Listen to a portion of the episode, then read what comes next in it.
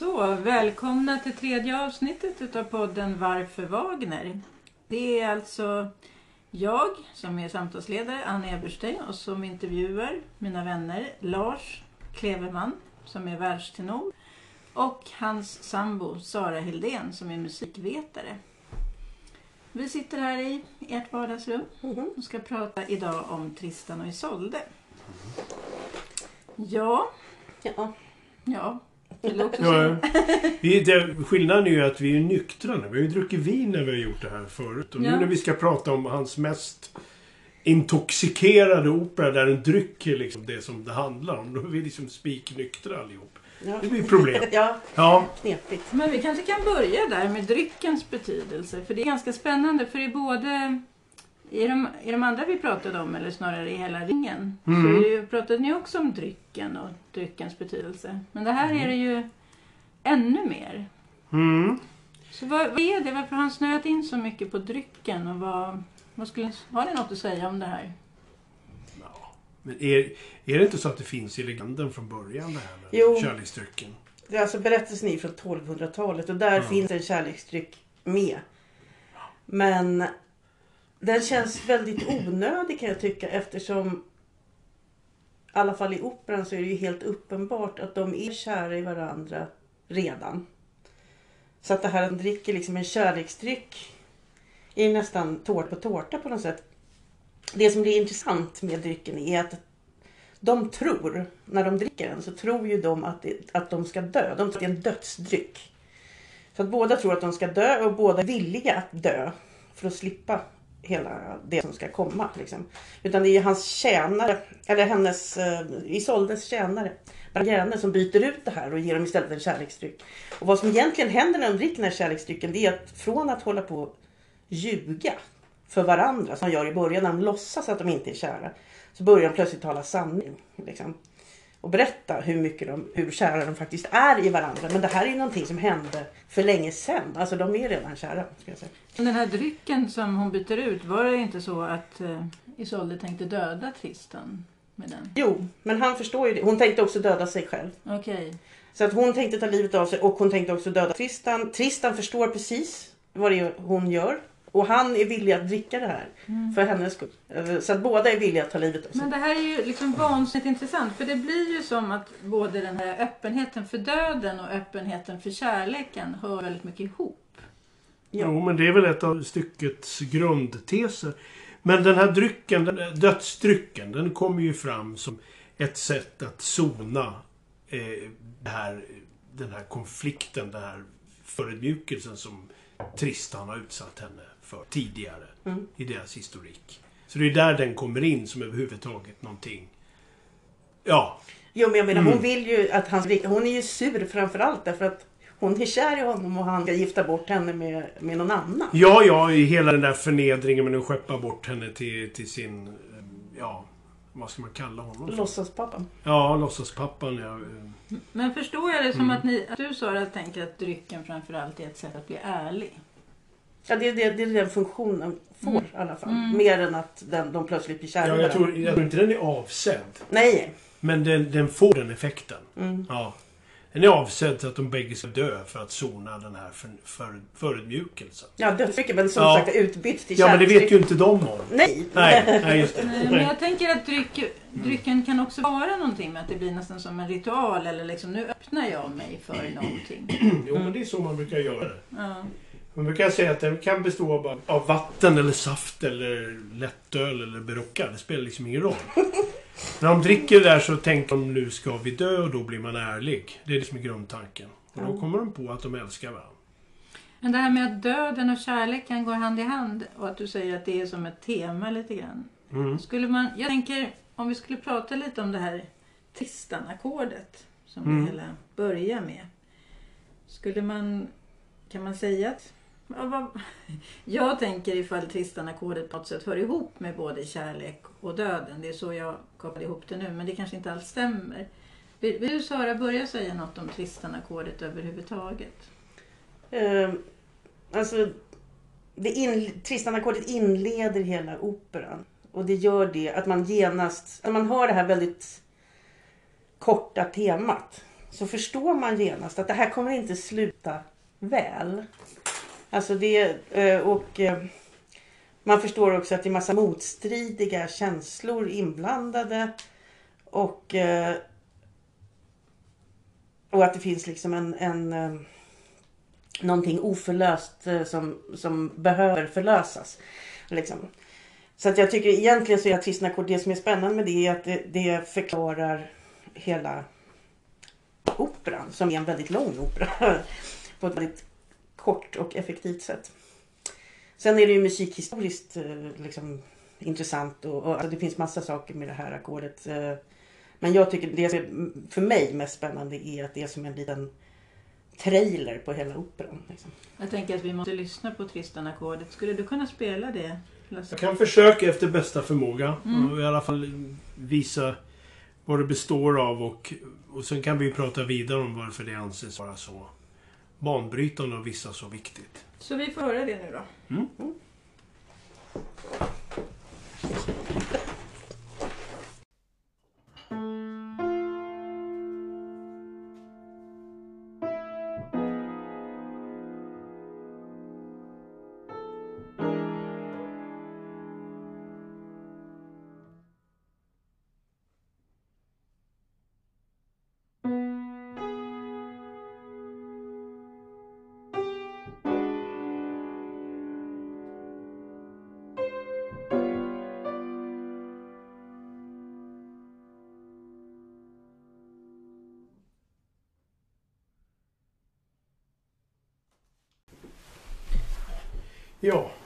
Det var det det.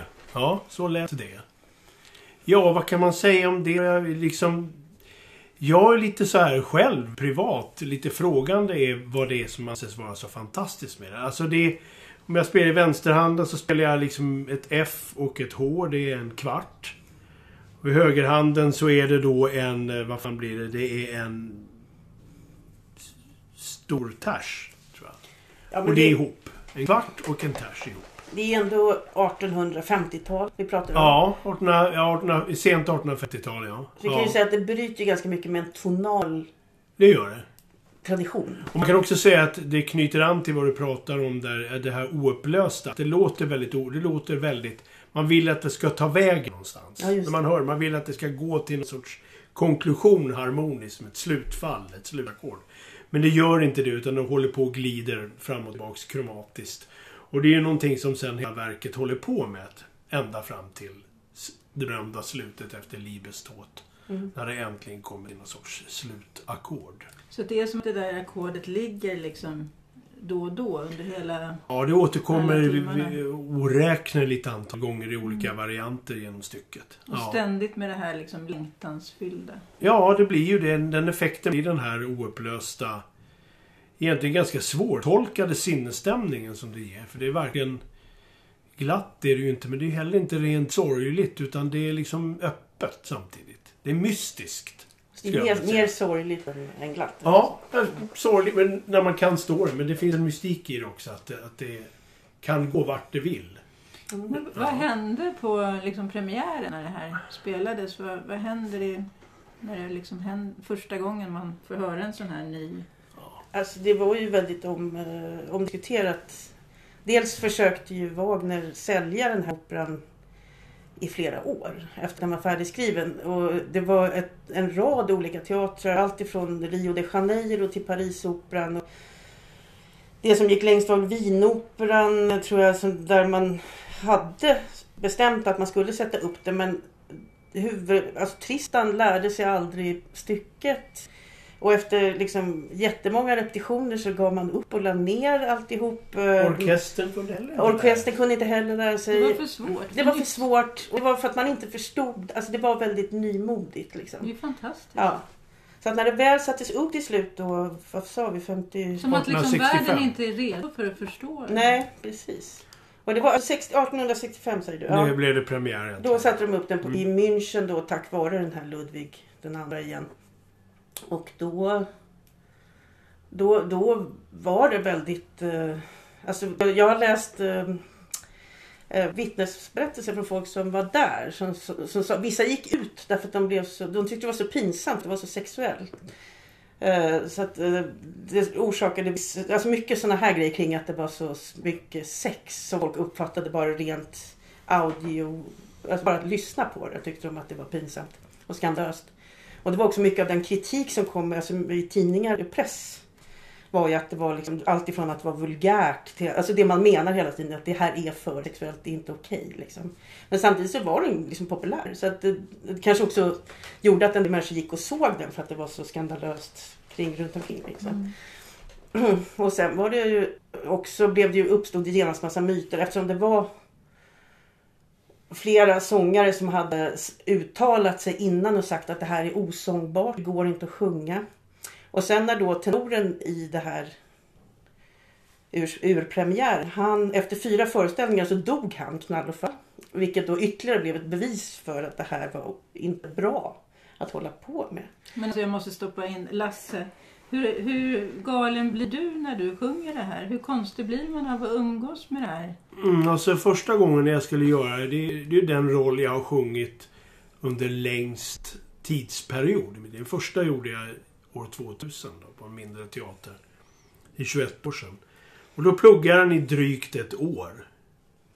Och då gick jag ju bakifrån så att säga. Jag började med tredje akten för den är svårast för Tristan. Och eh, det var dagliga studier. Jag låg och drömde, sov och drömde olika musikaliska delar av, av Tristans död där som är en timme lång ungefär. Alltså då höll jag på att bli vansinnig. Alltså verkligen så här totalt. Vad är det jag håller på med? Men berätta om det. Jag tycker att det verkar spännande. Man kommer in i en helt ny värld. Det året. På vilket sätt blev du liksom galen av att umgås med den här musiken? Dels för att det var svårt. Alltså dels var det så att sitta och bara läsa först noterna va. Och bena ut, för jag började ju helt ensam.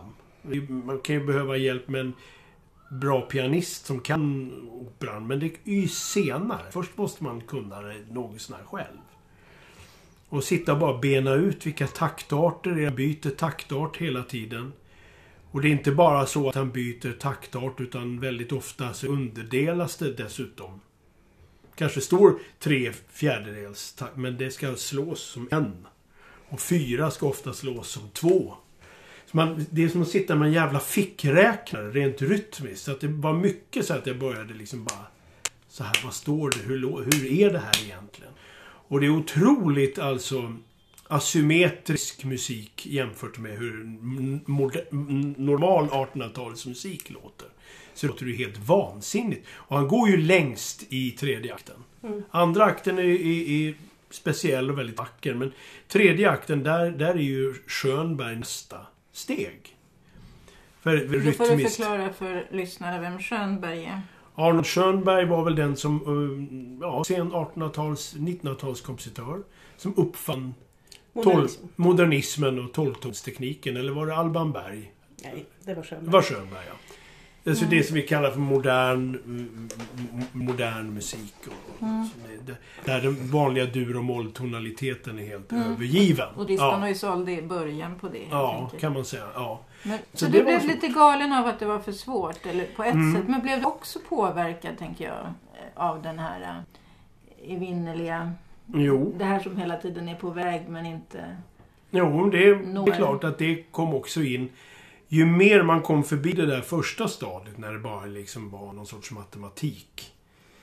Då kommer man in i, i hur det låter hur- alltså den emotionella delen av det. Och då är det klart att det påverkar en. Därför att man är som sångare, om man gör Isolde eller Tristan, så är man, kan man inte välja att stå bredvid och sjunga det. Utan man är tvingad att gå in i det. Det är skrivet, komponerat på ett sånt sätt att man är tvingad att gå in i det med allt vad man har. Allt vansinne, allting man någonsin kan uppbringa. För annars blir det inte fel. Det blir inte rätt. Fel är så vanligt ord det här. Men där till exempel så är den oerhört svår att repetera sceniskt. Även när man kan den. Därför att sjunga den jämt och ständigt sliter ut den. Så då börjar man markera och då blir det fel. Det går inte att markera. Så ofta är det så att jag bara är helt tyst när jag repeterar det. eller sjunger fullt ut. För det går inte att vara mittemellan. Jag kan inte det i alla fall. Jag ska också förklara att den här tredje akten som du pratade om, den, där är ju större delen av den så är Tristan döende och liksom hallucinerar och brister ut plötsligt i, i liksom, han får liksom konstiga visioner och börjar Ja, prata i dåtid och i framtid och han liksom tycker sig se Isolde fast hon är inte där och det och sen plötsligt blir han medvetslös och sen vaknar han till igen. Alltså det är en väldigt eh, galen... Ja, han är ju dödligt sårad och, och är medvetslös i början på tredje akten och vaknar upp och blir i princip besviken över att han lever. Ja, och att det är ännu en dag. Liksom. Det var inte det som var planen. Hur tänker Nej. du då Sara? Blir du påverkad av den här musiken? Alltså jag älskar, det här är min favoritopera alla kategorier. Jag tycker det här är världens bästa opera. Eh, Vänta, vi måste ju tyvärr säga att du också blev kär i Lasse. När han sjöng Tristan. under en trista föreställning, ja. ja, det var i Karlstad det. Det var den här eh, första gången Första, du gjorde ja. den. Ja. Mm. Mm. Men det var en fantastisk uppsättning och Lasse var fantastisk. Och, eh, Och sen blev ni ihop. och sen blev vi ihop. Ja. Så, som av en händelse. Ja. Kallar mig operagroupie. Mm. Mm. Eh, jag Ja. kan ju väldigt, väldigt lite om opera. Men just den här operan i alla fall är en av de få gångerna som jag har verkligen gråtit. Alltså jag, har, jag blev så oerhört berörd av den här operan. Alltså så att det var liksom på djupet, så här, någonting som hände. Så jag, jag kan verkligen förstå det här som du säger med att den inte väjer undan utan den går Mm. rakt på någonting. Mm. Nej, den väldigt inte. stark. Det är också något väldigt fint när de möts där och liksom ropar lite på varandra där. Eh, Tristan, Isolde. Alltså precis efter kärlek, precis efter att de har tagit, Ja. tagit den här drycken. Ja. Jo, det är ett väldigt speciellt ställe. För där kommer ju också det här temat vi pratade om. Kommer ju igen då. Om det här Tristan-ackordet kommer igen en massa varianter. För att det är, i akt 1 där så tömmer de ju då den här. Vad de då tänker sig är dödsdrycken. Och så, tänk, så går de åt varsitt håll eller väntar på att det här ska... Det här dödliga gift ska slå till.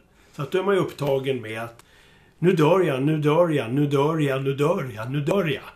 Och samtidigt blir, blir orkestern tystare och tystare. Och efter, det är ganska lång tid den här musikalen håller på innan. Innan det vänder. Ja. Och, och många pauser, tyst. Liksom lite ångest, det där temat. Lite mm, li, ännu mer ångest att man tänker så här, vad fan är det som händer? Liksom, jag har tagit livet av mig själv. Det är bara att tänka sig själv. Att man har dödat sig själv och väntar på effekten. Och så helt plötsligt så förstår man att eh, de kanske inte ens förstår att de kommer leva. De förstår bara vad det är de går omkring och bär på för varann. Och det blir då att Isolde sjunger Tristan. Och han sjunger Isolde. Sen brakar vanvettet löst. Totalt, alltså, i och med det. Så det är häftigt. Och nuet på något vis. Mm, just det. Ja. Alltså han var ju väldigt inspirerad av Schopenhauer här. Eh, Men jag vet inte om det är liksom någon sorts missuppfattning av Schopenhauer eller om det bara är liksom det att han har liksom bara tagit till sig det först. Alltså idén, Du börjar med Chopin. ja förlåt, ja, men Schopenhauer tur var ju väldigt intresserad av eh, buddhismen. Nu pratar du om en filosof. Nu pratar jag om en filosof, en Mm. 1800-talsfilosof. Mm. Eh, som liksom vars idé var ju någon, väldigt förenklat att eh, om man vill uppnå någon sorts inre frid. Alltså enda sättet att, att lyckas med detta är ju att göra sig av med sina begär. Och eh, i den här operan så är det som att Wagner har liksom fastnat. Han, han gillar verkligen Schopenhauer men han har fastnat i det här med begär. Inte, inte den inre friden. Och inte att göra sig av med dem. Nej men precis. Det kommer han till, till sen i Parsifal, som han, den sista operan han skriver. Där är han mer inne på det här med att avsäga sig begären. Men menar du på allvar att han har läst Schopenhauer på ett helt fel sätt? Här? Nej, jag tror inte att han har läst på ett helt fel sätt. Men, men som sagt jag tror att just bristen på inre frid är något av ett tema i Tristan. Och den här oron, det här, den här förlösningen som man väntar på. Det här man sitter på liksom, och känner när man lyssnar på den här musiken som aldrig kommer hem. förrän i, precis i slutet, efter fyra långa timmar av liksom någon sorts stress, så får man landa i, i slutet. Och det liksom, den inre frid som uppstår då, det är ju först när båda har dött. Så att den här längtan efter döden är ju också ett sätt att göra sig av med sina begär. Liksom, att, och de pratar då om dagen och natten väldigt mycket, Tristan och Isolde, när de pratar med varandra. Och där dagen är en sorts falsk verklighet där man måste gå till Konsum och förhålla sig till massa saker. Ja, de kanske inte går till Konsum. Men där det måste som- ljuga. man måste och ljuga. mötas i hemlighet. Och där, han, där Tristan, eh, som ju gift bort mer eller mindre eh, Isolde till vad fan heter? Kung Marke. Gubbjäveln. Kung, gift bort honom till kung Marke, ja just det. Gubbjävel. Ja. Nej men som, och, och Tristan och kung Marke, de är ju otroligt nära. De älskar varandra. Ja, så att det är ju ett jävla svek. Så att dagen, det vill säga verkligheten då, som den beskrivs i akt 2, när de möts där i hemlighet. Det är, ju, det är ju allt det här med lögn och svek och bedrägeri och att de inte kan få varandra. Och att möta sig själv då också. Ja. Tristan behöver möta vad han har gjort också. Ja, fast det är liksom en, den, som sagt, den falska icke-verkligheten. För den riktiga verkligheten är natten. Det är liksom när de kan vara i sin kärlek och när de kan vara ärliga. För jag tänker det här som du säger med att det är döden. För det är ju också där som det känns som att eh, det sexuella, eller, eh, eller liksom det är där de möts på riktigt också. Mm.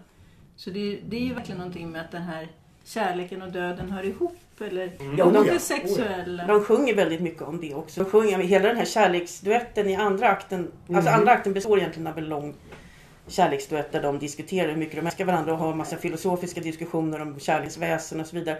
Men där upprepar de ju ständigt så här, åh jag vill dö, jag vill dö. Ja, jag, men det, liksom det, det är ju ganska så här. Först är det ju bara mötet att de kan ses igen. Det kanske har varit ett tag sedan Mm. när de träffas där. Sen börjar ju prata igen om, om det, här, det här avståndet som de måste ha. Tristan förbannar dagen lite väl länge kan jag ju tycka. eh, mm, mm. I alla fall.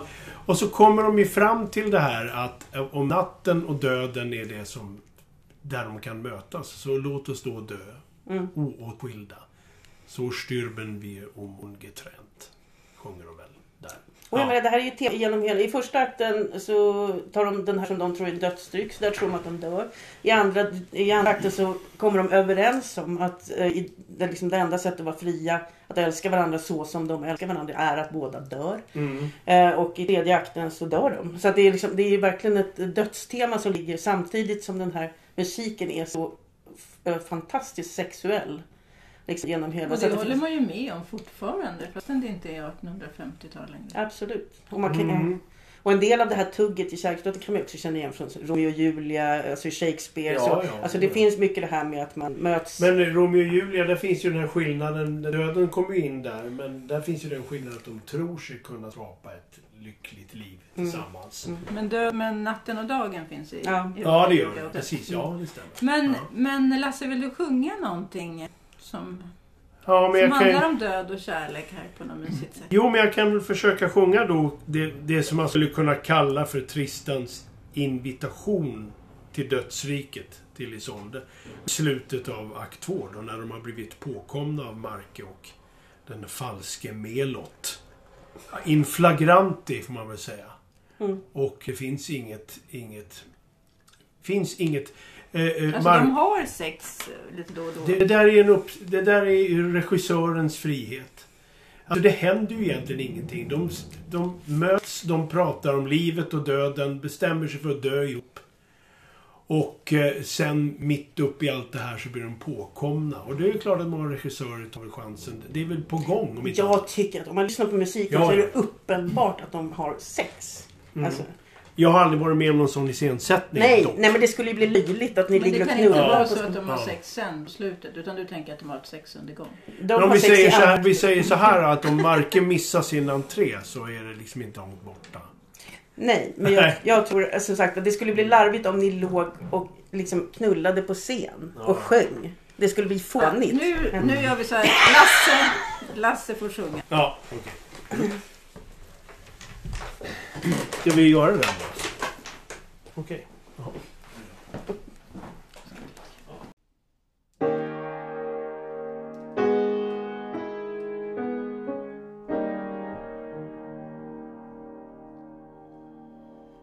Dim lantas trista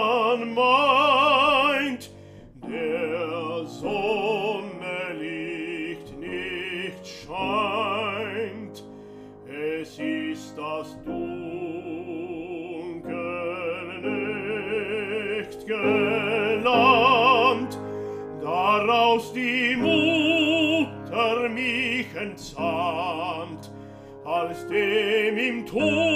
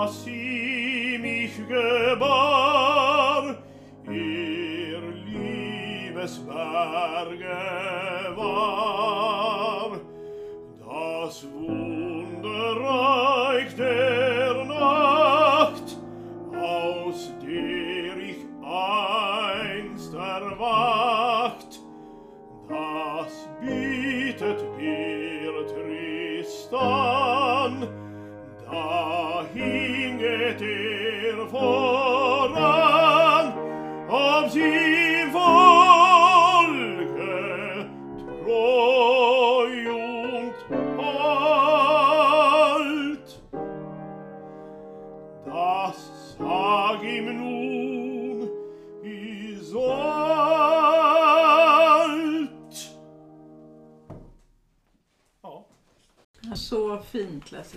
Ja, tackar. tackar.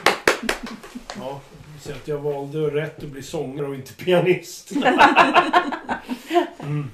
Men det här var alltså när eh, Tristan erbjuder eh, eller föreslår till Isolde att Ja, de ska mötas i ett annat land. och inför Marke och alltihop.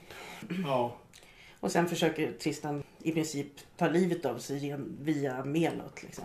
ja just det. Han, eh, akten fysiskt slutar ju med en, en, att han utmanar då den här Melot på en duellkamp. Men när de drar svärd bägge två så kastar sig Tristan på Melots svärd och sårar sig själv dödligt. Sara, Mm. jag tänkte att du sa ju det här med att, eh, att du är säker på att de har haft sex under gång fastän det inte visas på scen. Hur, hur, kan, hur liksom känner du den här eh, sexualiteten i musiken? Hur kan man säga... Hur kan man, hur kan Ja, man men dels är det ju någon sorts... eh, Dels det här som vi pratade om med det här ackordet som aldrig blir förlöst. Liksom. Att, det, att det hela tiden byggs på en förhållning på förhållning på förhållning som skapar liksom som en eh, längtan som emellanåt liksom intens, intensifieras. Vad svårt.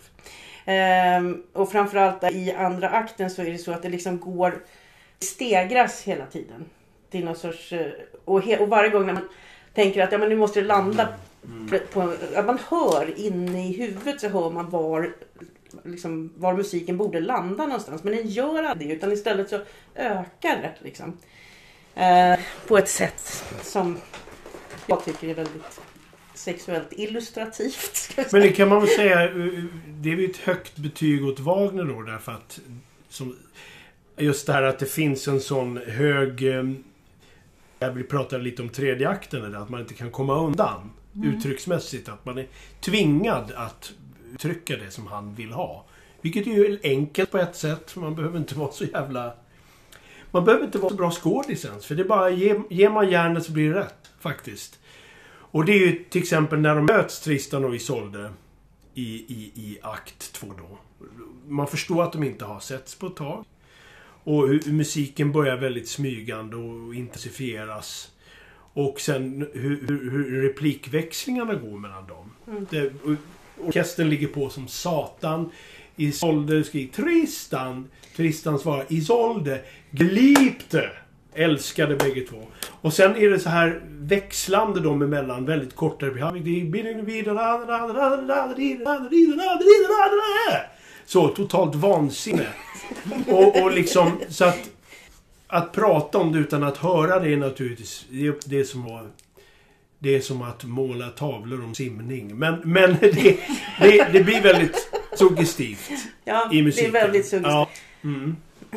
Och det har väl också att göra med det här trista ackordet att det är varken dur eller moll. Utan att det också... Eller? Var det fel? Ja, fast inte där. Det skulle inte jag säga. Det, det, det, Nej men det sexuella tänkte jag att det finns... Nej. Ja, det se- nej, det Jag sexuella säger- tycker jag- Ja. uttrycks, om man skulle prata i musikaliska termer, med en, eh, ett, ett, ett rytmiskt, skri, alltså hur han skriver rytmiskt.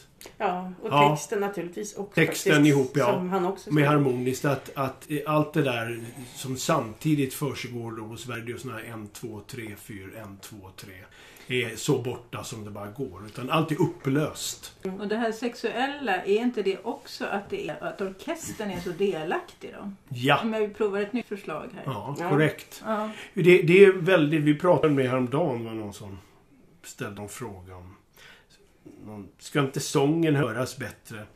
Och, och då är det ju så att i alla fall från och Med det där lite fåniga tonfallet också. Ska inte sången Ja, ja, på skiva om du sjunger barnvisor är svaret ja. Men, eh, men i opera är det ju så att framförallt romantisk opera, framförallt från och med Wagner och framåt, så spelar ju orkestern lika stor roll som sångarna på scenen. Det är inte ackompanjemang längre till rösterna. Och det är därför han börjar skriva för så stora orkestrar. Det är ju enormt, menar, det, det går inte att ta sig igenom det orkesterljudet ibland. Och det är inte meningen heller. Utan man, man ska liksom bara höra någon som, oj ja, de sjunger där. Men det är liksom inte riktigt. Och det är klart att det också har skapat en estetik med, med monstruöst starka röster som sjunger det där. Men, men meningen är att orkestern har en lika viktig roll som de på scenen. Ja. Ja, hörni, jag tänker att vi kanske skulle prata lite, eller ni skulle få prata lite om liksom, Wagners privata liv i samband, liksom, om det hör ihop på något sätt med själva operan. Jo, men det är klart att det gör. Eh, den här, vi har ju redan i ett tidigare program pratat lite om hans eh, relation till eh, Mathilde von Wesendonck. Och alltså, när han började skriva på det här, Richard Wagner, så var han ju gift med, med mina planer då, den första frun. Och de, av olika skäl så hade de blivit tvungna i landsflykt. Eh, och blev då erbjudna att bo i ett hus eh, som ägdes av eh, en rik, förmögen, framgångsrik sidenhandlare, Otto von Wesendonck. Och hans fru Matilde. Och eh, och det var ju då ja, vi sa något också om att Wagner alltid behövde skapa i sidan. Ja, precis. Det var så praktiskt att, bli, att få då en eh, mecenat som var sidenhandlare. Som förutom att han gav dem husrum i en tjusig villa i, utanför Zürich så eh, Fick han gav, fick han också, han gav dem också pengar och mat. Och, så här, så att, eh, de hade ju ett ganska trevligt liv där. Och under sin vistelse där så utvecklades då en relation mellan Richard Wagner och Mathilde Wesendonck. Inte helt schysst. kan man ju tycka. Liksom, eh, sen vet man ju inte riktigt vad den här relationen gick ut på. Alltså huruvida de hade massa sex eller om det bara var en, eh, ja, en annan sorts kärlek. Men de Säger skrev... du att de hade liksom sexet i musiken i operan snarare? Alltså, jag, jag vet inte. Det, alltså, det, det jag har läst av brevväxling, eftersom de, de skriver brev hela tiden. Och, och eh, bor ändå då bredvid varandra? Ja. Mm. Att de här breven, båda två skriver då väldigt, väldigt passionerade brev. Eh, men det handlar inte bara om kärlek utan det handlar väldigt mycket om konsten och eh, filosofiska frågor och kärleken som eh, företeelse. Och, alltså det är ganska intressanta brev och hon är en ganska intressant person. Och hon skriver dikter som han tonsätter och så vidare. Och det här men det är väldigt intensivt. Deras kommunikation är väldigt passionerad och väldigt intensiv. Och är det så att de inte har sex så har de i alla fall, ja, ja det spelar nästan ingen roll för att det är så erotisk, eh, ja, Ja. deras kommunikation. Får bara inflika där Ja. som du säger, den här, han tonsatte ju hennes dikter då. Mm. De kallade Wesendonck-sångerna. Och de bygger i princip till största delen på Tristan och Isolde-musiken. Ja, Eller tvärtom då eftersom han skrev, Ja, han men skrev alltså, sångerna ja, det är först. samma beståndsdelar. Ja. I alla fall några av sångerna Ja. är ju så. Så det är ganska tydligt tecken på... Att han tänker lite på henne? Ja, det får man ju känsla av. Och han skriver då första, första akten av Tristan och. Han avbryter sitt, eh, sin verksamhet med eh, Nibelungens ring. Och börjar istället skriva då på Tristan och Isolde. Och han hinner skriva första akten innan han blir tvungen att åka därifrån. Och detta händer ju då på grund av att hans fru råkar läsa en del av de här breven och blir Hon in... måste ju ha märkt det på tusen sätt. Ja, men hon fick då... Det kanske var därför hon valde att läsa hans breven, post helt enkelt. ja. Eh, Men hon blir sur. Eller vad ska jag säga? Han beskriver den här sista tiden där som helvete. Eh, Jag vet inte om frun kontaktar Matildes man. Jag vet inte hur. Men, men alla drar därifrån i alla fall. Att, eh, mina planer åker någonstans och Otto tar sin fru och åker till Italien och Wagner själv sticker till eh, Wien tror jag. Ehm, jag kommer faktiskt inte ihåg. I alla fall, de splittras i alla fall. Ja, de splittras allihopa. Så att, och eh, Wagner skilj, skil, separerar från sin fru. Hon skriver ett väldigt syrligt brev till Matilda. Om att tack för att du har förstört mitt äktenskap sedan 22 år tillbaka. Eller någonting. Eh, och sen skriver då Wagner i sin ensamhet skriver då klart andra akten, var han nu är någonstans. Och sen så måste han sticka därifrån också därför att han är jagad. Eller det kanske beror på den här landsflykt, att han inte får återvända till Tyskland. Jag kommer inte ihåg. Eh, Så att han skriver klart tredje akten i Luzern. Återigen Schweiz. Va? Mm. Ehm, och när han har gjort det här så försöker han då sälja den här operan. Och det tar ju sin tid. Han är klar vid 19- 1858 tror jag själva operan.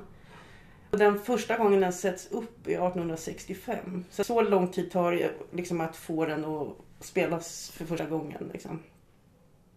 Alltså det som känns roligt när jag hör er nu, så, alltså det blir som att man tänker att han är så spännande att få lära känna. Alltså att, det, att det blir så här, wow, det är någon som kan någonting om, om nuet och intensitet. Och, eh, som jag tycker är spännande att, att få den här, det är första gången som jag känner mig så klart liksom lockad av honom. Och då tänker jag att det, det ska man ju inte vara bara. Utan vi ska ju komma ihåg det här med antisemitismen och Mm. hur otroligt eh, svår människa han var och hur, vilka hemska åsikter han hade.